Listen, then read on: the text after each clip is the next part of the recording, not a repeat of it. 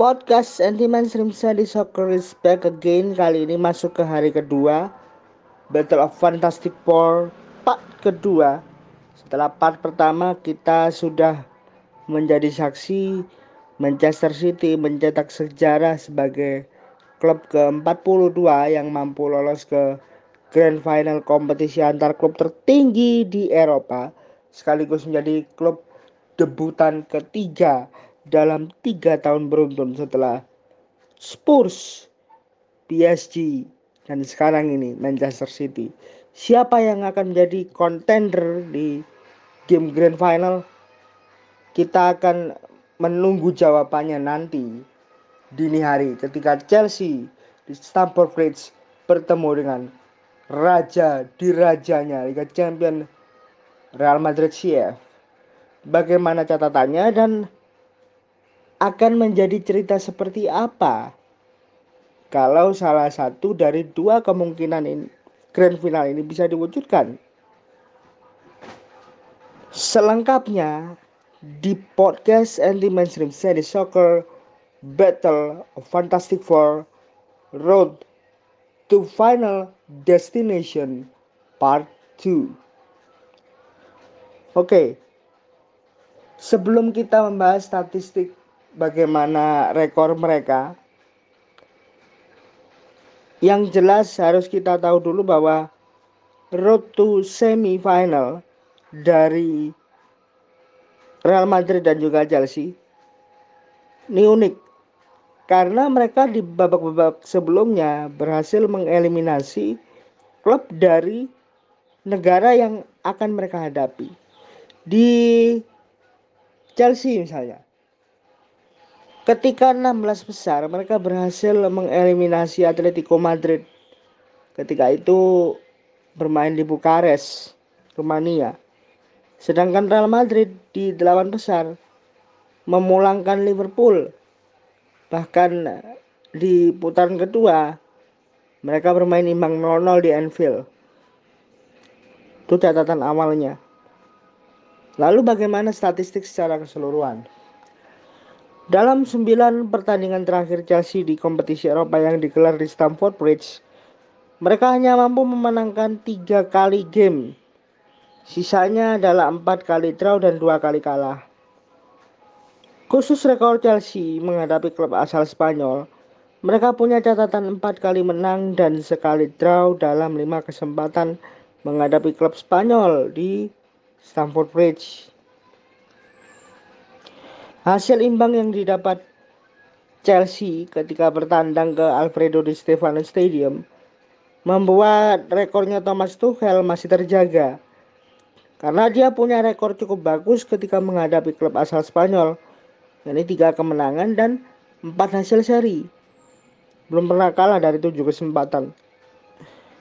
Chelsea lima kali lolos ke fase berikutnya dengan kondisi meraih hasil imbang di putaran pertama ketika bertindak sebagai away team.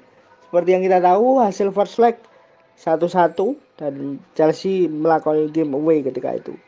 Dan rekor Chelsea jika laga ini harus berakhir dengan penalti shootout PSO maka rekornya adalah dua kemenangan dan empat kali kalah dalam enam kesempatan yang pernah mereka dapatkan. Bagaimana Real Madrid? Real Madrid di putaran pertama performanya masih kurang meyakinkan. Ditambah lagi dengan gol yang dicetak oleh Christian Pulisic itu sangat-sangat easy, take it easy, sangat-sangat mudah. Sebenarnya Real Madrid sendiri dalam performa yang tidak konsisten dan kita menunggu juga apakah Sergio Ramos bisa kembali lagi ke squad untuk menghadapi Chelsea dini hari nanti atau tidak. Karena memang sosok Ramos di lini pertahanan Real Madrid sangat-sangat penting. Dialah yang saat ini menjadi leader. Bukan seorang Karim Benzema yang mampu mencetak gol cantik penyama kedudukan di putaran pertama lalu. Real Madrid punya catatan buruk yang menghantui mereka saat ini karena mereka tak pernah menang dalam empat kunjungan terakhir ke tanah Inggris. sekali seri dan kalah tiga kali. Kekalahan itu didapat ketika bertemu Manchester City dua kali dan Tottenham Hotspur sekali ketika berada di fase grup. Dan hasil seri didapat ketika mereka bertandang ke Anfield pada quarter final Liga Champions musim ini. Catatan seperti ini membuat rekor overall Real Madrid ketika bertandang menemui klub Inggris adalah 6 kemenangan, 5 kali draw dan 7 kali kalah. Bahkan kalau kita tarik ke belakang, mereka juga sempat kalah dengan skor 4-0 ketika bertandang ke Anfield pada Liga Champions musim 2008-2009. Dan waktu itu, catatan ketika itu, ini sedikit flashback ya. Mengakhiri rentetan 5 game tidak terkalahkan Real Madrid ketika bertandang ke tanah Inggris. Balik lagi ke musim ini. Putaran pertama Real Madrid meraih hasil imbang 1-1.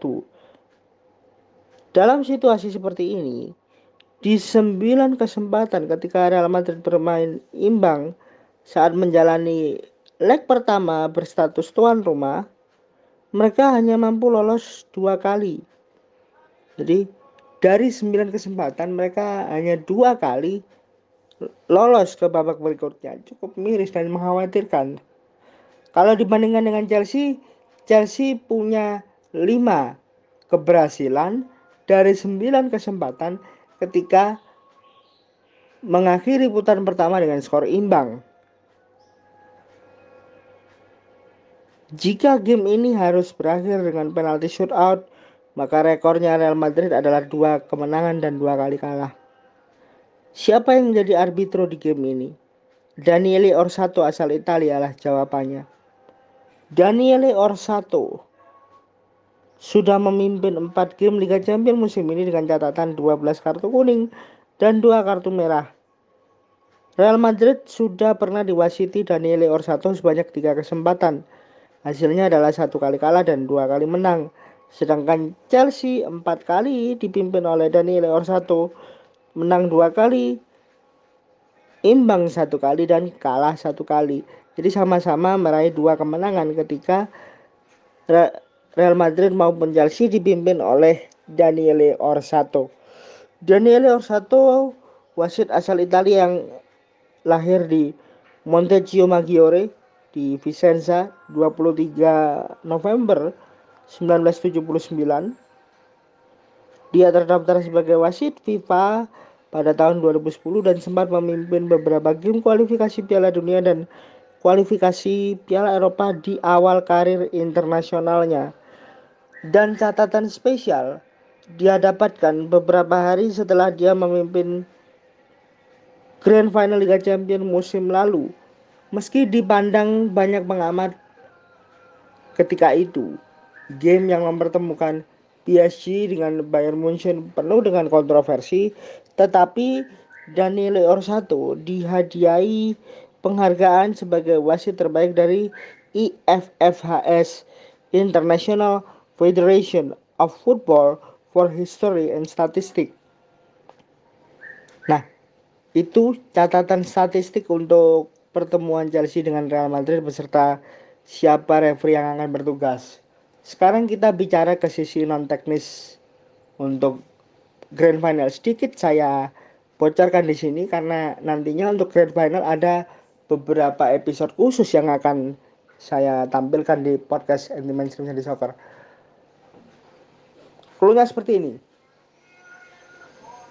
Untuk game Manchester City jelas kita sudah tahu siapa pemenangnya dan siapa yang lolos dia akan menunggu pemenang antara Real Madrid dengan Chelsea. Jika salah satu saja lolos ke grand final, maka akan ada sebuah cerita. Cerita yang akan muncul kalau Real Madrid yang lolos ke final, ya, secara mengejutkan mereka memenangkan game setelah dalam posisi sulit, maka akan ada pertemuan dua orang yang sama-sama meraih rekor 100%. Mungkin ini sudah saya jelaskan di episode sebelumnya. Di mana waktu itu saya juga mengatakan bahwa kalau Real Madrid dan Chelsea bertemu maka jika Madrid dan Manchester City ke Grand Final mewujudkan cerita dua pelatih yang punya rekor 100% di final. Karena baik Guardiola maupun Zinedine Zidane sama-sama bersih rekornya, belum pernah kalah di Grand Final. Guardiola dua kali mencapai final Liga Champions bersama dengan Barcelona di tahun 2009 dan 2011. Ketika itu dua-duanya dimenangkan oleh Pep Guardiola masing-masing dengan 2-0 dan 3-1 bertemu lawan yang sama Manchester United. Sedangkan Zidane tiga kali kesempatan 2016, 2017, 2018. Rekornya juga 100% karena berhasil membawa Real Madrid juara Liga Champions tiga musim beruntun walaupun dengan tiga cara yang berbeda. Yang berikutnya, kalau Manchester City bertemu Chelsea, ini jelas All English Final yang ketiga setelah sebelumnya ada Manchester United versus Chelsea di Lusniki 2008 dan Liverpool versus Spurs 2019 di Wanda Metropolitano. Tajuk ini bukan hanya sekedar All English Final, tetapi juga mencatatkan sebuah histori terutama bagi kedua pelatih ya. Kalau Guardiola berhasil membawa City juara maka ini adalah gelar ketiga secara pribadi bagi Guardiola di Liga Champions dengan dua tim yang berbeda. Sedangkan bagi Thomas Tuchel ini adalah redemption. Ini adalah penebusan karena sebelumnya ketika memperkuat PSG menjadi pelatih PSG, Thomas Tuchel gagal membawa PSG juara setelah dikalahkan Bayern. Itu sedikit catatan jelang Grand Final. Untuk yang lainnya seperti apa ya kita tunggu siapa yang akan bertemu Manchester City di Grand Final nanti. Tapi yang jelas Grand Final di Turki akan ada spirit tersendiri. Terlepas dari siapa pun yang akan lolos entah Real Madrid atau Manchester atau Chelsea akan menjadi sebuah cerita yang luar biasa.